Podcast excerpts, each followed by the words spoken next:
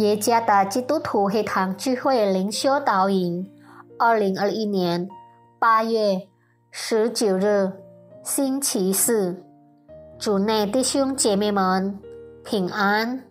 今天的灵修导引，我们会借着圣经马可福音第六章第四十五节到五十三节来思想今天的主题。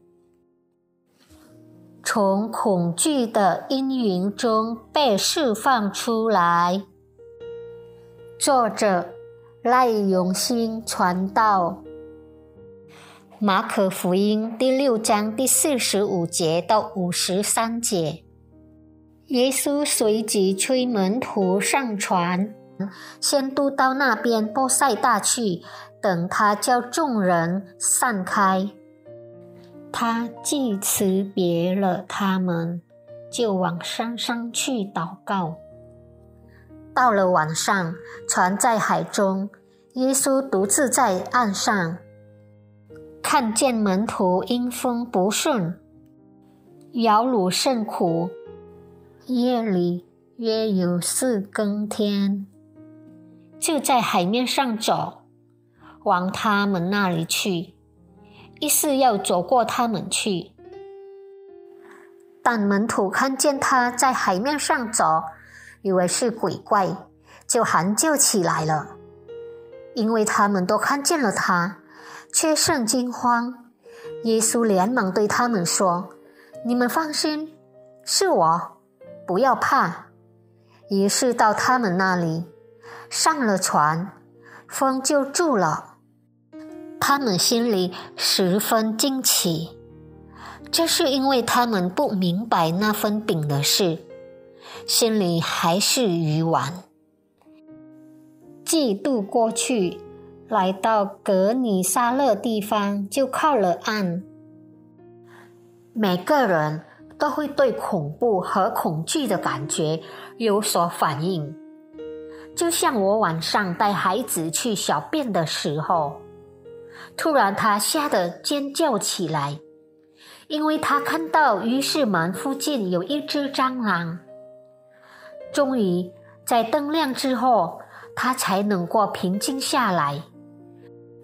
他之所以能够平静下来，因为他意识到了那不是一只蟑螂，而是一个关灯时看起来像蟑螂的小玩具。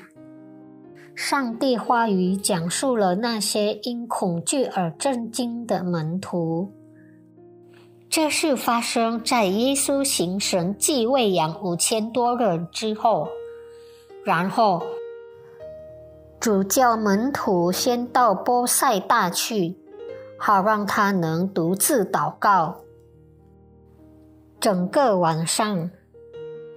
当门徒们摇橹甚苦、逆风不顺时，忽然看见有人在海面上走，门徒们非常惊慌，因为他们以为行走在海面上的耶稣是一个鬼怪。然而，耶稣安定他们，保持平静，不害怕。他上船后。风忽然停住了，而他们可以继续往前，直到上岸。我能想象恐惧变成了平静。他们被那晚与他们同在的耶稣所赐之平安笼罩了。当我们因恐惧的阴影窘迫而感到不知所措时，我们能以信心依靠耶稣的能力。耶稣能过平息我们挣扎的波浪，他也能给我们力量去面对这些挣扎。无论他做什么。都会赐给我们出人意外的平安。腓利比书第四章第七节。当耶稣将我们从一切恐惧中拯救出来时，我们的身心灵会再次感受到平静。过去只是恐惧的阴影，但主耶稣是安全感的保证。愿上帝赐福大家。